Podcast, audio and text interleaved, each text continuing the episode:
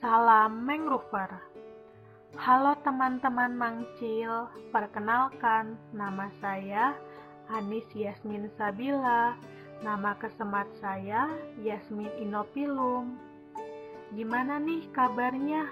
Semoga sehat selalu ya dan tetap berada di rumah agar memutus rantai penyebaran COVID-19. Teman-teman Mangcil pasti bosan nih udah sebulan lebih cuma diem di rumah, gak bisa jalan-jalan, gak bisa bertemu dengan teman-teman. Nah, untuk mengisi rasa bosan mangcil, gimana kalau saya bacakan salah satu dongeng dari Mat Kesem ya?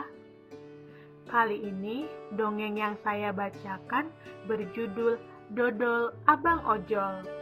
Selamat mendengarkan. Pagi itu, Zaki berangkat ke sekolah naik ojol. Sebelum naik, dia kaget melihat barang yang dibawa oleh abang ojol. Bang, itu dodol bukan? Saya dan keluarga saya penyuka aneka dodol loh, katanya. Benar, Dik. Saya bungkus dulu ya. Ini dodol mangrove yang diolah dari tepung buah-buahan mangrove. Itu loh, tumbuhan yang hidup di pinggir laut.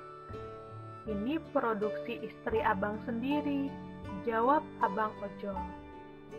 Sesampainya di sekolah, karena ingin sekali mencicipi dodol mangrove, Zaki lantas memesan ke abang ojol.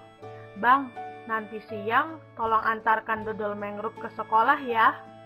Siap, jawab Abang Ojol. Wah, tak sabar mencicipinya, pasti enak. Gumam Zaki sambil menuju gerbang sekolahnya. Pesan moral buat teman-teman mangcil semua, kita harus berani berangkat sekolah sendiri. Jangan lupa harus selalu santun saat bertemu dengan orang-orang baru.